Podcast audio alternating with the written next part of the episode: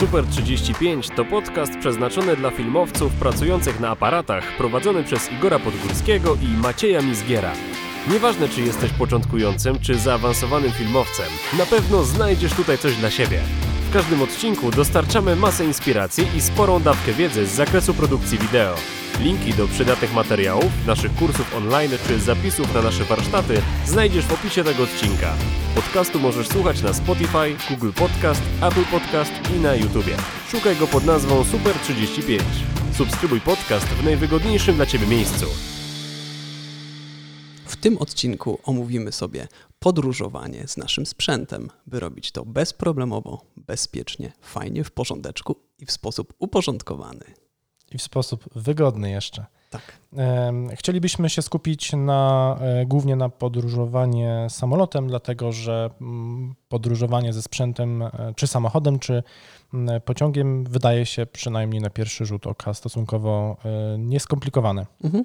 Łatwe i można powiedzieć, że dostępne dla każdego na co dzień, bo nie tylko sprzęt fotograficzny czy też e, wideo wozimy w bagażniku. Tak jest. Ja ze swojego doświadczenia e, wyniosłem dość dużo, bo, bo miałem e, okazję realizować projekty i w krajach europejskich, i poza nimi, więc też się zdarza, Mhm. że piszą do mnie osoby, znajomi z branży z pytaniem, mm, jak to robić, nie? No bo tam zawsze jakieś, e, jakieś pytania się pojawią. Mhm. I tutaj mamy na swojej liście, mm, naszych notatkach przygotowanych do tego odcinka mm, kilka takich e, protipów. E, Oczywiście też omówimy sprawy w miarę oczywiste, ale Mhm. myślę, że to są sprawy, o których trzeba wspomnieć tak czy siak, ale też mamy kilka protipów, które na pierwszy rzut ucha mogą się wydawać e, nieoczywiste, a mogą Wam pomóc w tym, żeby uniknąć wszelkich nieprzyjemności, niedogodności itd. Jasne, i od tego zacznijmy, aby do Waszego ucha trafiła informacja, jakie są też bagaże, czyli w co pakujemy, w co pakujemy nasz, nasz sprzęt. I tutaj wyszczególniliśmy sobie walizki, wyszczególiliśmy sobie plecaki, e, jak i torby i po kolei postaramy się e, pochylić nad każdym z tych bagażów, toreb i tak dalej, i tak dalej. typów transportowania O, sprzętu i myślę, że to. możemy rozpocząć najbardziej dostępnego i najbardziej oczywistego dla wszystkich, czyli od plecaka w sumie. E, No bo jednak każdy, myślę, że każdy lub prawie każdy, kto zajmuje się, mm, albo inaczej, każdy, kto posiada sprzęt, e, foto, wideo, aparaty, obiektywy i tak Mhm. dalej, i tak dalej, to wszystko, co jest nam potrzebne do tego, żebyśmy mogli zrealizować nasz projekt od A do Z, e, plecak raczej posiada, a nawet jeżeli nie posiada, to podejrzewam, że albo myślał o tym, żeby jakiś e, kupić, albo miał i z jakiegoś powodu nie korzysta. No i jeszcze tutaj e, dodam taką kwestię, że plecak można powiedzieć jest takim, jest takim workiem, w cudzysłowie oczywiście na sprzęt go-to, czyli jak tam planujemy sobie zakup e, jakiegoś sprzętu do przenoszenia naszego sprzętu, to pierwszą, pierwszą myśl właśnie, pierwszą myślą jest właśnie plecak. A co za A to tym, na pewno się wywodzi za czasów szkoły. tak, jesteśmy Plecaki, przyzwyczajeni, plecaki, tak, plecaki, jesteśmy przyzwyczajeni książki do i tak tego dalej. żeby, żeby swoje, swoje graty nosić, nosić jednak na plecach. Jest to wygodne, prawda? Tak jest. I każdy z typów, e, każdy z e, sposobów przetransportowywania naszego sprzętu, e, czyli właśnie wcześniej wspomniany plecak, walizka i torba, sobie jeszcze rozbiliśmy na, na trzy podpunkty: praktyczność, bezpieczeństwo i wygoda. Mm, I zacznijmy tutaj od praktyczności. No, plecaka nikomu nie trzeba przedstawiać, jeżeli chodzi o jedną, je, jeden przedmiot służący do przenoszenia innych przedmiotów od strony, od strony praktycznie, jak właśnie plecak, z tego względu, że go sobie po prostu otwieramy, wszystko wrzucamy, następnie zamykamy.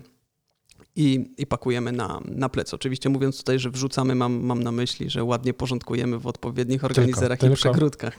A, także, e, także o to mi tutaj chodziło. Jeżeli chodzi, chodzi teraz o wyszczególnienie, raczej rozszerzenie troszeczkę tej praktyczności, możemy powiedzieć o plecakach, które są otwierane od frontu, od plecakach, które są otwierane od pleców i też od plecaków, które są otwierane na, na bokach. Czyli tak naprawdę plecaki mogą być otwierane praktycznie ze wszystkich Ze swoich wszystkich stron. stron, I to też e, jest ważne pod kątem właśnie tej praktyczności e, i bezpieczeństwa też, wbrew pozorom. Mhm. Jeszcze tylko na moment wrócę, że też elementem praktyczności każdego plecaka jest to, że plecak jesteśmy w stanie wziąć prawie wszędzie i go umieścić w prawie każdym luku, że tak to ujmę, czyli w samolocie, w lokerze nad głową, jeżeli jest w miarę mały, to pod fotel, Mhm, mhm. e, w bagażniku do samochodu, wiadomo, e, w pociągach, w autobusach też prawie wszędzie da się go wcisnąć. No i dużym plusem tego, tego, tego rodzaju przenoszenia swojego sprzętu jest to, że zawsze gdzieś, gdzieś jest na oku, jest w miarę Mhm. blisko nas, nie? Czyli tutaj e, lizaliśmy już kwestię troszeczkę bezpieczeństwa, także tutaj do tego, do tego, co powiedziałeś, dodam tyle, że plecak po prostu zawsze mamy na plecach, no w ręku, w ręku rzadko, a zawsze się znajduje na plecach, czyli czujemy, czujemy go po prostu, że go mamy, czy jeżeli ktoś chciałby niepowołany do niego mieć dostęp, mm, to jak gdyby no Ciężko jest tak zrobić, chyba że ktoś jest naprawdę wprawny w tym, e, w tym działaniu, a takich ludzi też nie brakuje, to, to jednak to czujemy. I mm, też nawiązując, nawiązując troszeczkę do, do tego, co wcześniej powiedziałem, są plecaki, które są otwierane z tyłu, czyli od strony pleców. I ja osobiście takie plecaki posiadam i ja osobiście takie plecaki rekomenduję pod względem właśnie bezpieczeństwa. Wygody to jest troszeczkę różnie, chociażby, chociaż mm, tutaj jeszcze powiem, że jeżeli ściągamy plecak z pleców i kładziemy go na stronie na stronie przedniej tego, co jest z przodu i otwieramy go sobie od tyłu, a nawet położyliśmy na jakieś błoto czy cokolwiek, cokolwiek, to nigdy nam się to nie przedostanie na plecy. A jak już jest ple, plecak otwierany z przodu i położymy go na plecy i z powrotem go ubierzemy, to jak go ściągniemy, to możemy mieć, mm, mieć te plecy brudne. Czyli Jeszcze- tutaj też poruszasz te aspekty właśnie Tak, praktyczności właśnie chciałem i powiedzieć. e, Mhm. e, wygody też, nie? Mhm. Tak, no tutaj jeszcze, jeszcze w kwestii wygody oczywiście dodam to, że mamy wolne rączki. Jak plecak jest na plecach, no to wolne ręce mamy, ale też z drugiej strony, jeżeli, jeżeli jesteśmy zmuszeni do przemieszczania się właśnie z plecakiem, często jest on ciężki, często on jest naładowany wszystkimi, wszystkimi naszymi sprzętami i to powoduje to, że no, po jakimś czasie zaczynamy odczuwać dyskomfort i mówię tutaj przede wszystkim o dyskomforcie na barkach, na plecach, na kręgosłupie, gdyż, gdyż tak jak wcześniej powiedzieliśmy, on troszeczkę potrafi sobie ważyć. Dlatego, dlatego, dlatego też pod, pod, pod kątem wygody są plusy i minusy, no ale to myślę, że jak w każdym rozwiązaniu podobny aspekt będziemy poruszać. Mm, Te wolne ręce, jeżeli chodzi o wygodę też e, w przypadku PCK to jest bardzo duży plus, dlatego że wielu z nas, e, oczywiście w zależności czy nagrywamy wideo biznesowo, komercyjnie, czy robimy je dla siebie, typu e, na wakacjach czy gdzieś tam, no to jednak to e, te wolne ręce mają duże plusy, ponieważ możemy się przemieszczać, załóżmy, po mieście jednocześnie z rąk e, nagrywając, nie? E, W przypadku, kiedy korzystamy z walizki lub e, z torby, w zależności jaka ta torba jest, bo też może być taka, którą się zakłada przez mm, Mhm, mhm. ramię lub coś w takim stylu, no to mm, tutaj ta wygoda i ta dostępność rąk jest e, znacznie mm, ograniczona, wręcz niemożliwa. A kolejną rzeczą jest to, że możemy wykonywać kilka innych e, czynności w tej samej, e, w tej samej chwili, czyli. Mm, Na przykład, bardzo prosty przykład, pierwszy z brzegu, możemy na smartfonie odpisać klientowi na maila. Nie? Albo po prostu mając więcej sprzętu ciągnąć jeszcze jakąś torbę czy coś Albo takiego. właśnie, możemy te ręce wykorzystać do jakichś zupełnie innych czynności. Tak jest. Mhm, Wróćmy jeszcze troszeczkę do tych, mm, do tych rąk, bo ja mam dosyć ciekawą historię do opowiedzenia. Kiedyś byłem na zleceniu i pół zlecenia, wyobraź sobie, kręciłem z plecakiem na plecach. Miałem w ręku stabilizator, na którym był, na którym był aparat i pół zlecenia, pół zlecenia, czyli około 4 godzin, e, robiłem mając plecak na plecach. Było 30 stopni w słońcu, także ja po prostu płynąłem gdzie się tylko dało. I, wtedy, mm, wtedy jak gdyby doszedłem do wniosku, że jednak na zlecenie plecak, który pamiętam, że miałem jakiś taki prostszy model, który nie był wentylowany. Mm, I, bo są firmy, które tworzą bardzo fajne wentylacje i tak dalej, i tak dalej. Ale to jest temat, myślę, że na troszeczkę późniejszą rozmowę. Um, do, doszedłem do tego, że jednak w plecak warto zainwestować i pomyśleć od strony też wygody tej wentylacji pleców, żeby, żeby była możliwość. Jasne, nie? Bo jasne. nigdy nie wiadomo, w jakiej sytuacji zostajemy Ja postawieni. myślę, że wielu, wielu, wiele osób, które się zajmują produkcją wideo, głównie tutaj bym się skupił na branży ślubnej, na przykład jeżeli robią, mają osobny dzień nagraniowy na plener, to podejrzewam, że przynajmniej ponad połowa nagrywa taki plener mając sprzęt na plecach. No tak, no, E, bo- Gimbal i sprzęt do rąk, a, a e, szkła do zmiany, baterie, karty, wszystko jest na tak prawi, plecach, nie? prawidłowo mnie odczytałeś, to był plener. No, no, no, no bo podczas dnia ślubu jednak mamy zawsze gdzieś ten kąt, nie? gdzie możemy sobie ten sprzęt mhm. E, położyć, a tutaj, tutaj, e, tutaj to wygląda w taki sposób. No i właśnie w kontrze do, do innych form przenoszenia sprzętu tutaj plecak wygrywa pod tym kątem, ale w tym odcinku chcemy się tak naprawdę skupić na podróżowaniu, czyli na przemieszczaniu mhm. się z miasta do miasta, z kraju do kraju, z kontynentu na kontynent. Więc tutaj e, jakby ten aspekt jest mniej istotny, ale bardzo się cieszę, że mimo wszystko wspomnieliśmy o tym. Hmm. A więc e, wracając do, do kwestii przemieszczania się bardzo mocno samolotowego, chciałbym powiedzieć o następnym przyrządzie, który służy do pakowania naszego sprzętu, jakim jest walizka. A jeżeli chodzi tutaj teraz o praktyczność walizki, jeżeli sobie ją nabędziemy w odpowiednim rozmiarze, bo oczywiście wszystkie czołowe firmy produkujące e, sprzęt fotograficzny, mm, sprzęt wideo, jak gdyby wyszli naprzeciw klientowi i stworzyli swoje walizki, które wymiarami są takie, aby mogły mieścić się w bagażu podręcznym, tym co mówią nam linie lotnicze. E, I to jest kluczowe moim mhm. zdaniem. Znaczy w sumie to jest fakt, to nawet nie jest e, opinia, tylko fakt, mhm. dlatego że jeżeli faktycznie chcemy, e, chcemy lub musimy podróżować samolotem, nawet w, obszarze swojego kraju, bo ja na przykład osobiście czę, często latam ze Szczecina do Krakowa, gdybym miał jechać, to, to sami sobie możecie od, e, odpowiedzieć e, na pytanie, ile takie coś trwa lot, e, lot 55 minut i już.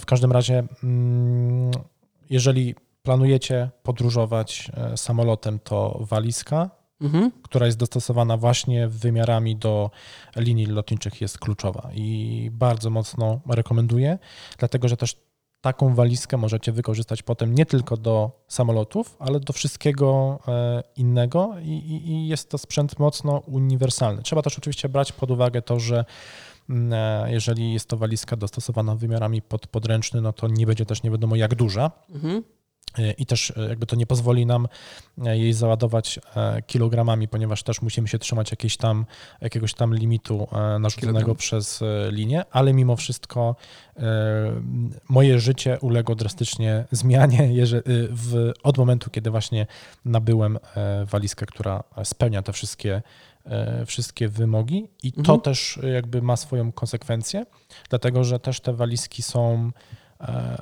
bardzo przyjemne, łatwe w obsłudze pod tym kątem, że jesteśmy w stanie bardzo e, szybko, wygodnie i przede wszystkim, przede wszystkim bezproblemowo przejść przez e, kontrolę bezpieczeństwa na lotnisku, ponieważ otwieramy sobie e, klapę. Mhm. Właśnie ten rodzaj cały otwierania sprzęt. nazywa się clamshell. O, się dokształciłem. Super. I wtedy widać po prostu od razu gołym okiem cały sprzęt, nie? Więc kontroler może nas poprosić, wyciągnij obiektywy, wyciągnij coś tam, Mhm. Wyciągamy, e, przelatuje nam to przez ten, sprzęt, e, przez e, ten skaner, czy jak tam to się nazywa. Czasami robią, tak jest, czasami robią tą kontrolę jeszcze antynarkotykową i, i potem po prostu się szybko wkłada to z powrotem w swoje miejsce. I to naprawdę po trzech lotach już macie taką mhm. wprawę, że to trwa małą, małą chwilkę. Mhm, pochylmy się tutaj jeszcze troszeczkę nad aspektem bezpieczeństwa naszego sprzętu. Takie walizki są e, w postaci i plastikowej, są też w postaci materiałowej. I w jednym i w drugim przypadku posiadają one szkielet, są mocno mocno wzmocnione. w, kontrze, w kontrze do plecaku wygląda tak, że plecak przeważnie jest miękki. Tak, i można po prostu cały sprzęt zgnieść. Zgnieść, właśnie tak.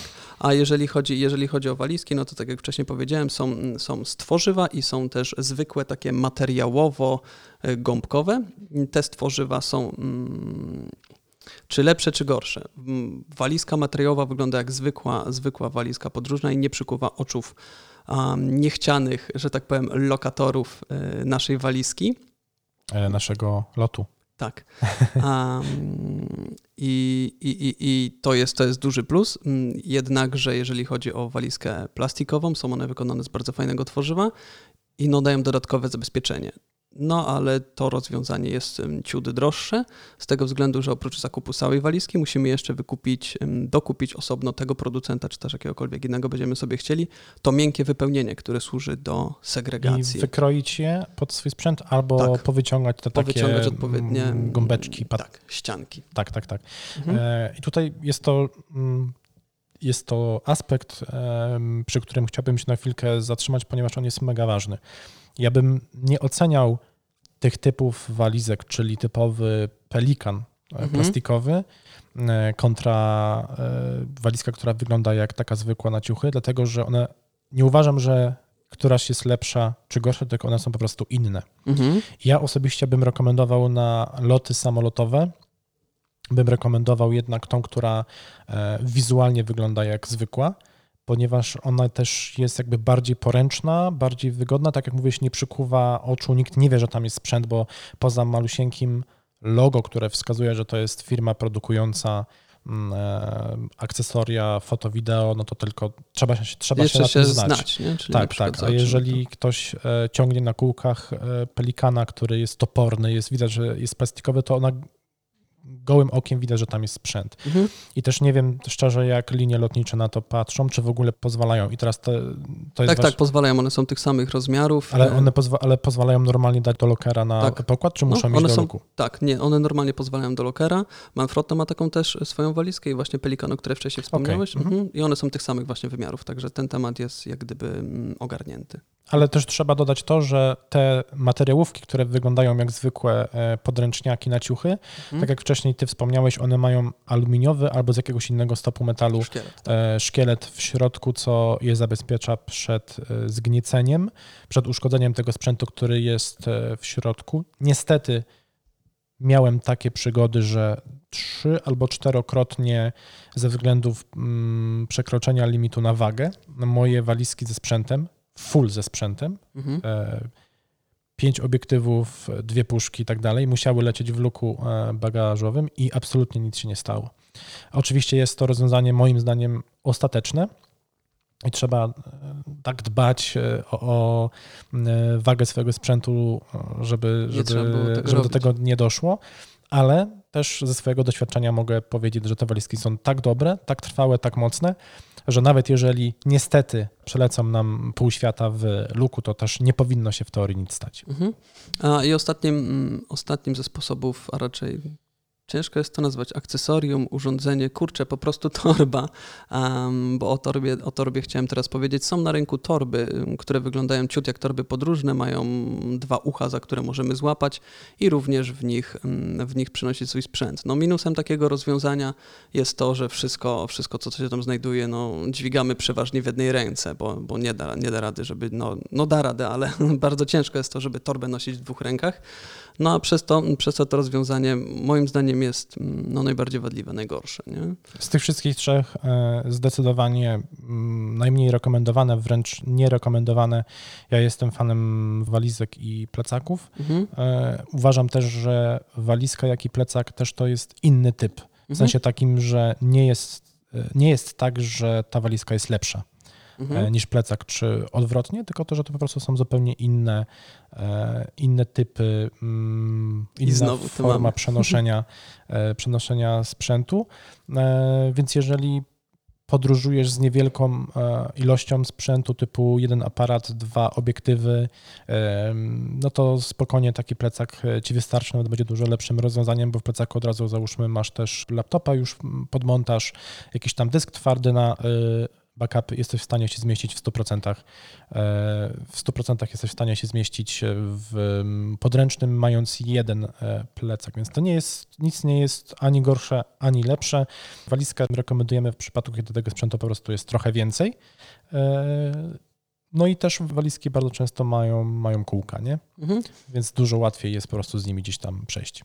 Czyli po tym wstępie, który sobie tutaj omówiliśmy, mm, wszystkie sposoby przenoszenia naszego sprzętu, e, przejdźmy do punktu, w którym skupimy się na pakowaniu do podróży. I tutaj jako jeden z, jeden z podpunktów chciałbym, chciałbym podnieść to, aby pakować sprzęt ciasno, żeby nic nam w środku nie latało, żeby wszystko było spasowane, czyli te przegródki, te ścianki układajmy w taki sposób, aby one ciasno przylegały do naszego sprzętu. Jako metodę mm, dobrego pakowania, którą ja stosuję, nie wiem jak ty Igor, mm, jest to, że wyciągam wszystkie przegródki, wszystkie ścianki, układam swój sprzęt bez tego i dopiero po ułożeniu całkowicie sprzętu wkładam te wszystkie ścianki i ciasno to spasowuję, wtedy, wtedy nic mi nie lata i mam, mam pewność, że jest to bezpieczne. To jest idealne rozwiązanie e, dla osób, które faktycznie na e, każde zlecenie biorą stosunkowo inny, inny sprzęt, inną jego e, liczbę, w sensie raz, dwa obiektywy, raz pięć i tak dalej. E, to faktycznie to rozwiązanie jest mega fajne. Ja osobiście z niego nie korzystam, ponieważ ja przeważnie e, korzystam na swoich zleceniach z tego samego setupu, sprzętu, więc zawsze mam te same szkła, mhm. te same puszki, więc u mnie układ w walizce jest stały i zawsze po prostu do tych przegródek wkładam to, co muszę na dane e, zlecenie wziąć i e, odnośnie do pakowania, jakby to jest też w konsekwencji, e, w konsekwencji do tego, jak się pakujemy, jest to, że zawsze biorę na, na zlecenie tylko to, co muszę wziąć. W sensie nie biorę nadbagażu, bo może się przyda, mhm. tylko faktycznie wszystko jest przemyślane i biorę to, co jest faktycznie potrzebne, więc czasami zostają mi jakieś luźne, luźne luki, Mhm. To jest też rozsądne podejście, dlatego że mimo wszystko życie nie polega na tym, że wszystko idzie tak, jakbyśmy chcieli. Mhm. Mogą nas okraść, e, może być wypadek, e, może coś się stać z tym bagażem i tak dalej, i tak dalej. Więc e, jeżeli nie weźmiemy na siłę całego swojego sprzętu, bo go ma, mamy i w razie gdyby coś się stało, to te straty będą znacznie mniejsze, bo wzięliśmy tyle, ile trzeba mhm. pod projekt, a w domu zostały, e, czy tam w biurze zostały e, obiektywy no te rzeczy, i które inne, nie tak, tak. I dzięki temu mamy, mamy dużo mniejsze straty, nie? Więc typ pakowania dopasujcie pod siebie, ale tak jak mówi Maciej, zawsze, żeby to było pościskane, żeby tam nic się nie przemieszczało, mhm. nie latało, nie było ryzyka, że uderzy jedno, jedno drugie i uszkodzi, drugie, nie? Tak. No i e, bierzcie tylko to, co faktycznie jest potrzebne, czyli zawsze sobie e, róbcie pod projekt listę sprzętu. Mhm. E, taka checklista też się bardzo przyda, bo jeżeli e, lecicie dajmy na to do Londynu, e, no to to już nie jest tak łatwo dokupić coś, czego zapomnieliśmy. Nie? Mm -hmm. Jeszcze e... bardziej, że mówimy o sprzęcie, który jest, można powiedzieć, specjalistyczny, bo a, kartę pamięci jesteśmy w stanie dokupić, ale już na przykład baterii do specyficznego aparatu już może być ciężko, żeby Czasami dokupić, trzeba czekać nie? ileś dni na, tak, e, na dostawę, więc nie bierzcie nadbagażu -hmm. niepotrzebnie, ale też róbcie sobie zawsze checklistę i żeby wziąć na pewno to, co trzeba wziąć, tak, to, żeby nie zapominać. Um, następnym z podpunktów jest to, i taki można powiedzieć protip i mm, wujek dobra rada troszeczkę, to jest to, aby nie montować e, obiektywu na aparacie i w ten sposób go pakować. Z tego względu, że jest duże prawdopodobieństwo, że on się po prostu uszkodzi i bagnet zostanie wyrwany razem z obiektywem, jeżeli tym bardziej to będzie jakaś dłuższa lufa, E, co, co oczywiście spowoduje to, że dźwignia będzie dużo, dużo większa, czyli mała siła będzie potrzebna do tego, aby, aby siły zrywające na bagnecie powstały. I to jest bardzo, bardzo dobry i mega istotny tip. E, faktycznie, jak jesteście już na zleceniu i macie e, plecak na plecach i tam załóżmy używacie dwóch aparatów, no to wtedy jest zupełnie inna sytuacja, bo macie kontrolę nad tym, co się dzieje z tym, z tym plecakiem. Więc wtedy wydobycie sobie drugiej puszki, która już ma wpięte mhm. szkło jest ok, ale jeżeli jeżeli ta walizka ma leżeć przez 8 godzin e, lotu czy jazdy w walizce, która nie wiem, przez przypadek może spaść, spaść czy coś tam, problem, tak. E, to faktycznie, tak jak ty mówisz, odpiąć wszystko od siebie do osobnych kieszonek czy tamtych um, przegródek i, i, i, niech czeka po prostu na swój moment. I jeszcze dalej troszeczkę temat pakowania tutaj podciągnę. Gdy się już będziemy zbliżać do tego lotniska, aby baterie, bo baterie są takim, można powiedzieć, troszeczkę drażliwym temacie, jeżeli chodzi o, o samą technologię litowo-jonową. Te baterie mm, podczas uszkodzenia, no niestety, ale zaczynają generować bardzo dużo ciepła. I to ciepło przekłada się nie jeden raz e, na to, że bateria po prostu stanie, stanie w płomieniach. Zapali się, co oczywiście na pokładzie samolotu nie jest zbyt dobrym rozwiązaniem dla nikogo. Jak wybuchające Samsungi Galaxy tak. S coś tam, tak? Mhm, mhm. właśnie, właśnie o tym mówię, S7 to chyba było. No, no, właśnie no, no. o tym mówię, czyli, mm, czyli tutaj skupmy się troszeczkę na tych bateriach i troszeczkę ten temat postaramy się tutaj e, rozwinąć i Wam przybliżyć, abyście, abyście też wiedzieli i byli aware, że tak powiem, że takie rzeczy należy, należy zrobić. E, I tutaj po pierwsze baterie, baterie linowe, litowo-jonowe, nie powinny znajdować się w luku bagażowym. Jeżeli nie jesteście pewni, jakie baterie macie, załóżcie, że właśnie akurat takie macie i, i miejcie je po prostu e, po prostu w bagażu podręcznym. Następną, następną kwestią jest e, to, że wszystkie baterie muszą być zgrupowane razem i również muszą być one ściśnięte, żeby w momencie jakiegokolwiek przemieszczania bagażu one nie latały i o siebie nie uderzały, co dodatkowo może spowodować, spowodować ich uszkodzenie, a w konsekwencji oczywiście stanięcie w pożarze. um, I następna kwestia, troszeczkę, trochę, troszeczkę analogiczna do tego, co przed chwilą powiedziałem. Nie wkładajcie baterii jako wypełniacze luk w swoim bagażu. Czyli na przykład, jeżeli mamy aparat wsadzony i zostaje nam malutka przerwa i sobie myślimy, a dobrze, to to baterię dopakujemy, bo bagaż ułoży nam się w takiej pozycji, że ta bateria może wypaść i będzie latała nam po całym, y, po całym bagażu. Co po pierwsze zwiększy ryzyko znowu zapłonu, a po drugie baterie są małe, zwarte, ciężkie i potrafią po prostu swoją masą uszkodzić inne, inne rzeczy, które znajdują nam się w bagażu. E, kolejna rzecz w kontekście e, baterii jest taka, że też należy je wkładać do specjalnych, e, nie wiem jakiego słowa użyć, bo to może być forma pojemnika, ale ja na przykład posiadam. Taki woreczek. Do, o, właśnie, to jest mhm. znaczy forma worka, ale takiego jakby podszywanego mhm. i to jest właśnie specjalny pojemniczek na te, tego typu baterie, który w razie ewentualnego samozapłonu mhm. zdusił to i po prostu e, sprawił, że nie dojdzie do rozprzestrzeniania mhm. się tego. I to jest bardzo ważne dla takiego zobrazowania tematu. Tego typu baterie to są głównie baterie do dronów mhm. i do gimbali. E, więc e, to są pierwsze baterie, które powinniście do takiego czegoś włożyć i wystarczy, że mm, wpiszecie sobie w Google pokrowiec na baterie litowo-jonowe tak? I wtedy wyskoczy Wam kilka pozycji e, sklepów internetowych, w których będziecie mogli sobie takie coś e, takie coś nabyć. Oczywiście sytuacje zdarzają się bardzo rzadko, mhm. ale po pierwsze mogą się zdarzyć, więc e, mm, nie polecam takiego podejścia, a spakuję, może tak, mi się uda, dotyczy, i tak, tak, dalej, tak, tak dalej. To już pomijając ten cały aspekt etyczny i mhm. aspekt e, bezpieczeństwa trzeba brać pod uwagę, że kontrola bezpieczeństwa może się zorientować i po prostu was nie wpuścić. Tak, a nie daj Boże dojdzie do jakiegoś e, pożaru, w którym uszkodzi się jakiś, nie wiem, samolot, powiedzmy, nic nikomu się nie stanie, ale pół samolotu zostanie uszkodzone i to dojdą do tego, że to jednak ty zapakowałeś coś nie tak, jak powinieneś, bo myślałeś, że ci się uda, nie? Tak, tak. To tak, może tak. pociągnąć za sobą niestety, ale to bardzo przykre konsekwencje finansowe. No i wolnościowe, bo możemy wylądować w więzieniu.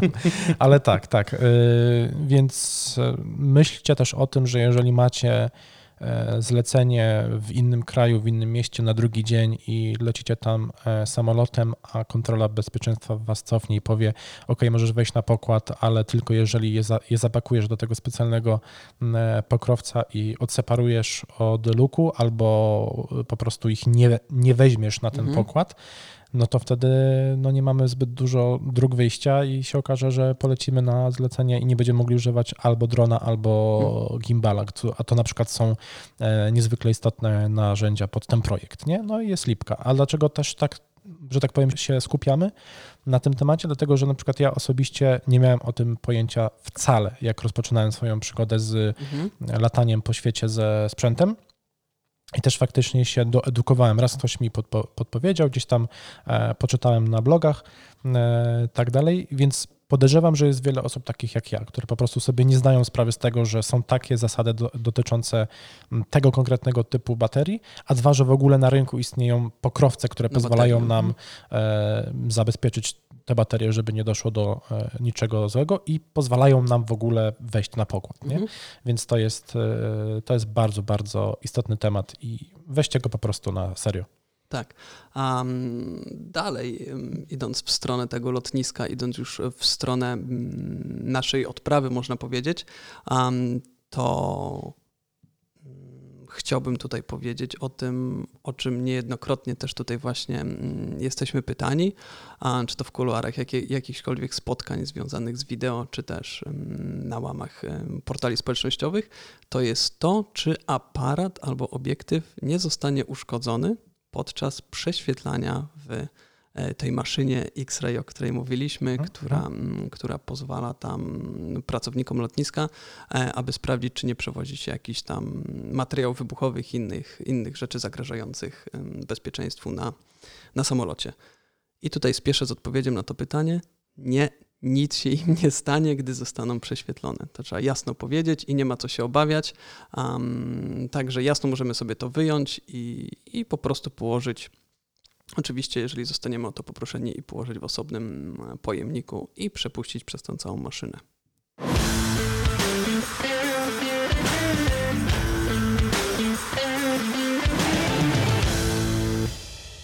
I idąc dalej, mm, e, o elektronice, którą posiadamy przy sobie.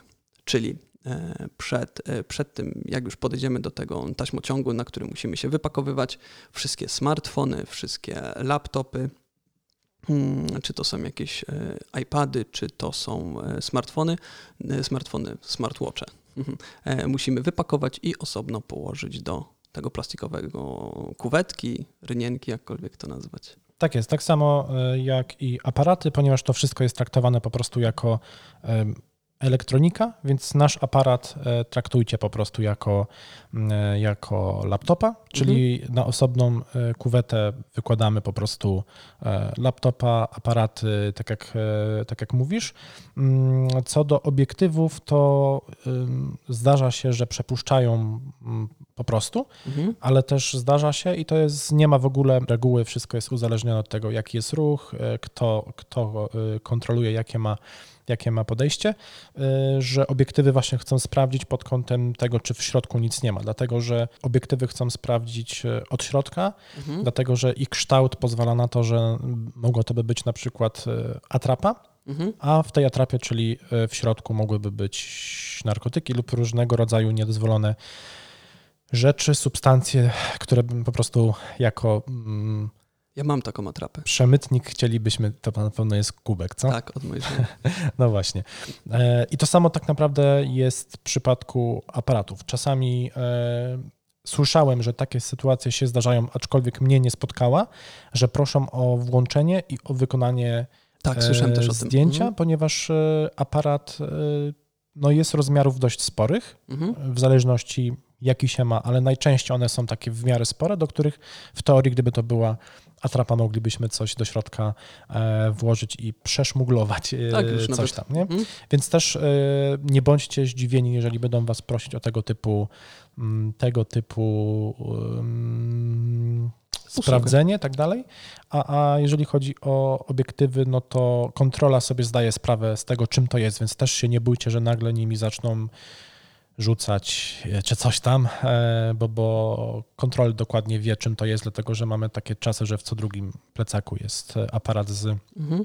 obiektywem, jak ludzie sobie lecą do Egiptu czy gdzieś tam, więc, więc, więc bez stresu po prostu się słuchać tego, co mówi, jak i co trzeba zrobić. Wtedy taka kontrola przebiegnie możliwie, możliwie bardzo szybko. I jeszcze taki protip, jeżeli macie mm, rzeczy, które wymagają użycia śrubokrętu, Mhm. to mm, najlepiej korzystajcie albo z monet, albo z jakichś innych takich rozwiązań, które pozwalają wkręcać ym, śrubki, dlatego że no, śrubokręt na pewno pójdzie do kosza, bo to Tak. jest traktowane coś jak nóż i ja na przykład w ten sposób kompletnie nie pomyślałem, e, wziąłem ze sobą swój ulubiony e, śrubokręt do wkręcania, do przykręcania aparatu do płytek i poszedł do, do śmietnika. Tak, też straciłem tak śrubokręt. Nawet dwa. I scyzoryk, który był fajny. No, Tak, cóż. więc rzeczy, którymi można e, kogoś pokłuć lub pociąć, bierzcie pod uwagę, że one na 100% zostaną e, wyrzucone, ponieważ maszyna do e, skanowania na pewno je, Mhm. je wyłapie. Z ciekawostek dodam tutaj, że na przykład statyw nie jest w żaden sposób, no i też w sumie nie powinien być w żaden sposób mylony z elektroniką i nie musimy go wyciągać. Może on być albo przypięty do torby, albo w środku do torby, do torby wsadzony. Oczywiście nie jest to reguła, jak się uprze pracownik lotniska i powie wyjąć, no to trzeba wyjąć i nie ma gadania, aczkolwiek nie ma żadnego odgórnego przykazu, ażeby, ażeby to robić. Tak, i wszystko jest też uzależnione od tego, jakiej wielkości jest to statyw, bo jeżeli chcecie przetransportować jakieś bardzo duże, to też się da, Mhm. ale wtedy się nadaje w zupełnie innym miejscu specjalny bagaż, e, tak zwany bagaż niewymiarowy, czy coś w takim stylu. Tam ludzie na, Mhm. przykład, e, na przykład przewożą w luku bagażowym e, wózki dla dzieci, tego typu sprawy i tam też jakiś bardzo duży statyw spokojnie może e, za oczywiście osobną opłatą i tak dalej możesz sobie e, się przetransportować e, wraz z wami, więc de facto jesteście w stanie wziąć prawie cały sprzęt e, ze sobą. Jeżeli przewozicie w samolocie gimbala, no to e, ja też mam z tym doświadczenie, bo praktycznie na każde zlecenie brałem. E, Osobiście korzystam z mm, Ronina S, to po prostu oddawałem do luku e, bagażowego e, całą, całą tą, Mhm. nie wiem jak to się nazywa, mm, Case, y, ten case walizkę. taki. O tak, tak. Znaczy w Wezmę sensie ten walizkę. taki e, DJI-owy, nie? Mhm. Ten specjalny, wykrojony pod sprzęt, zupełnie bez stresu. Robiłem to już kilkakrotnie i zupełnie nic się z tym nie stało. E, On jest tak dostosowany, tak powykrajany, że tam raczej nic się nie powinno z tym stać.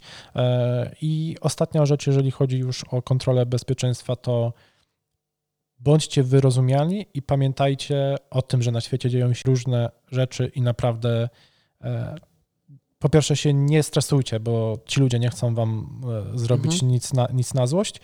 E, A druga sprawa jest taka, bierzcie pod uwagę, tak wcześniej wspomniałem, że na świecie się dzieją e, różne rzeczy i e, nawet jeżeli ktoś was przetrzepie bardzo mocno, to kto wie, czy w waszym samolocie nie ma jakiejś osoby, która może mieć złe zamiary względem tego lotu, więc Tak, i- e, i- wszyscy są traktowani dokładnie w taki sam sposób, niezależnie od tego, e, kim po prostu są, nie? Tak, myślmy o tym, że ci ludzie są tam dla naszego bezpieczeństwa. Oni mają odgórnie narzucone to, że takie, a nie inne urządzenia muszą sprawdzać i raz jeszcze to powtórzę, oni są dla naszego bezpieczeństwa, bo może zdarzyć się taka sytuacja, że e, a dobra, tego, tego nie będziemy mm, sprawdzać, tego nie będziemy legitymować i tak dalej, i tak dalej i dojdzie do sytuacji, w której to akurat ta osoba, która mówiła, że on to jest tylko aparat, to jest tylko bateria i tak dalej, wyciągnie z tego aparatu bomba. cokolwiek innego i, Tak. i mamy. Tak, Bum. dlatego, dlatego y, im wy lepiej będziecie przygotowani w kontekście poukładania sprzętu, e, w jednym miejscu ładnie, e, w miarę sensownie, to po prostu będzie dla was to wygodne, żeby szybko i sprawnie i bezproblemowo przejść przez taką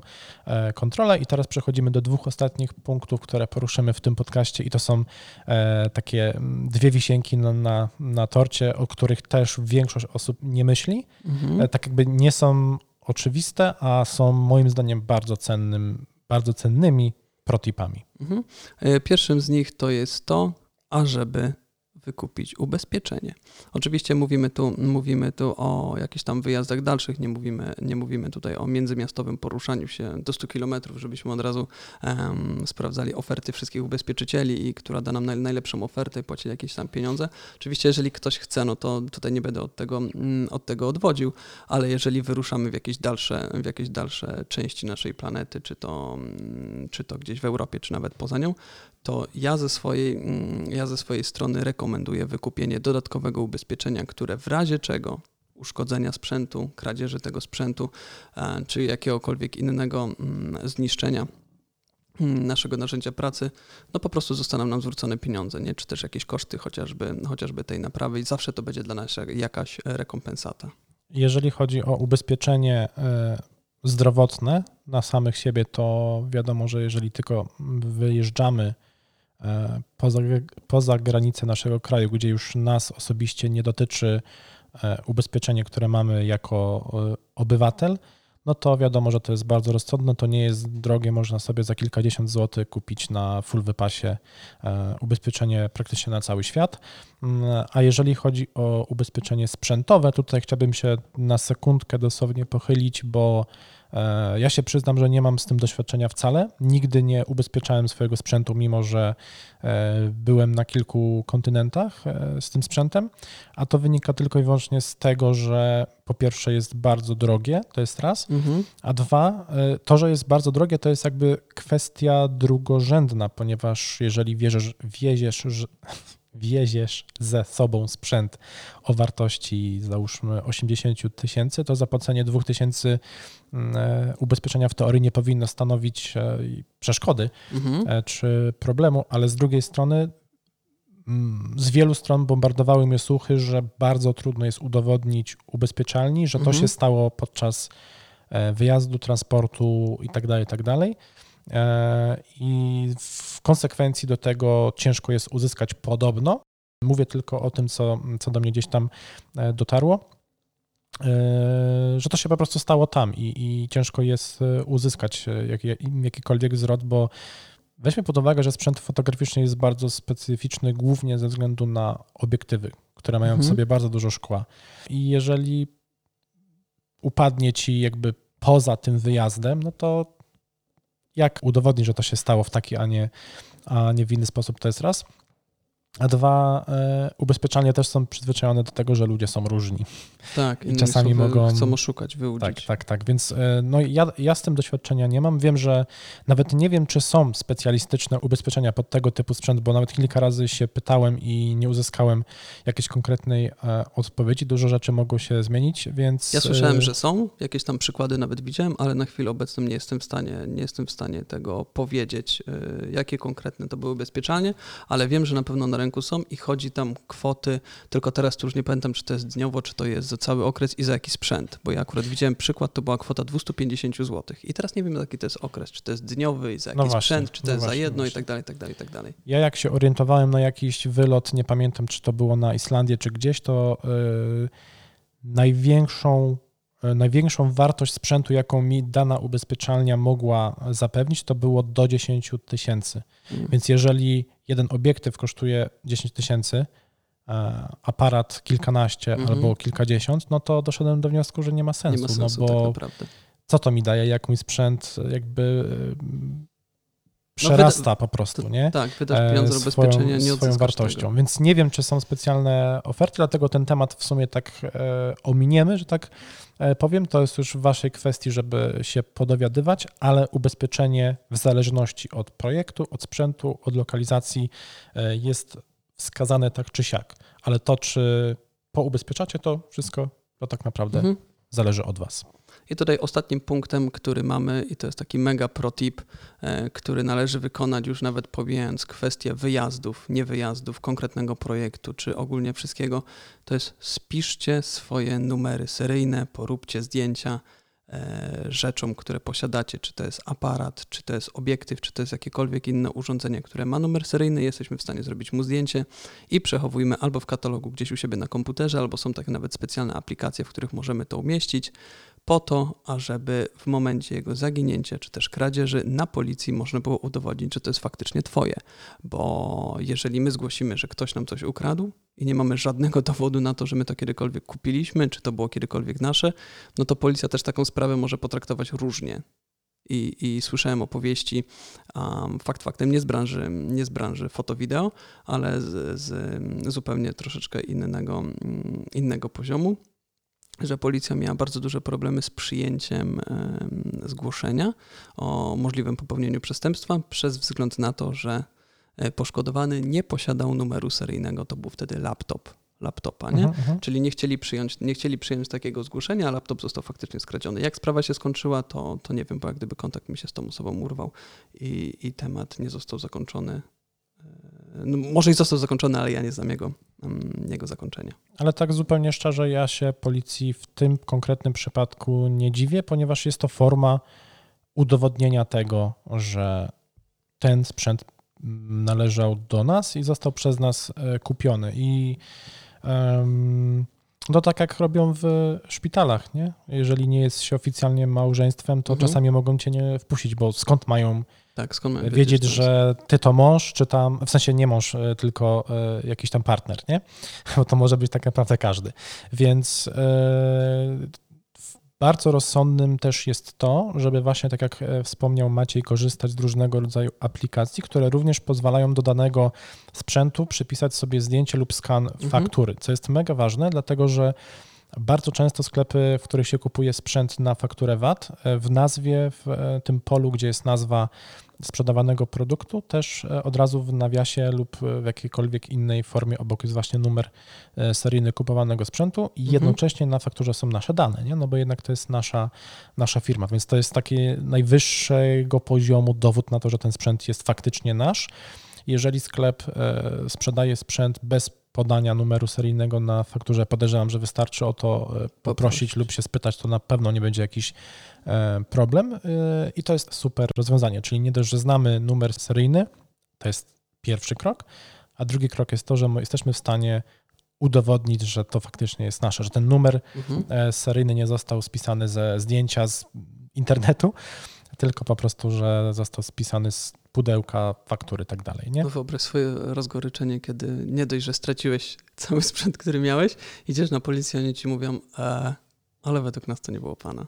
No to już wtedy jest aż, aż zagotowanie, nie? Tak, dlatego e, potrójny firewall, czyli e, zdjęcie naklejki na sprzęcie, bo też każdy sprzęt ma taką Mhm. specjalną, bardzo mocno trwałą naklejkę, na którym jest ten numer, e, skan faktury i najlepiej jeszcze trzeci mm, firewall, czyli zdjęcie e, naklejki na pudełku, czyli Mhm. tak naprawdę ten sam numer z trzech różnych miejsc, nie?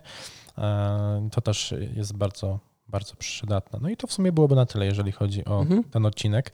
E, Wierzymy w to, że przekazaliśmy Wam, drodzy słuchacze, możliwie dużo informacji na temat tego, jak bezpiecznie, wygodnie, bezproblemowo się przemieszczać ze swoim sprzętem e, na ziemi, w powietrzu, na, na szynach e, i tak na dalej. wodzie.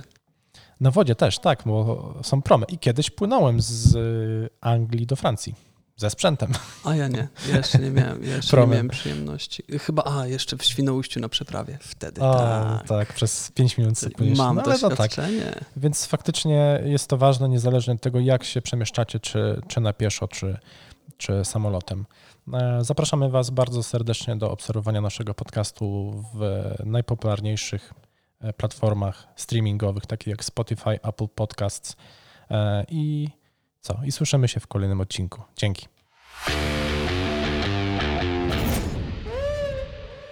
you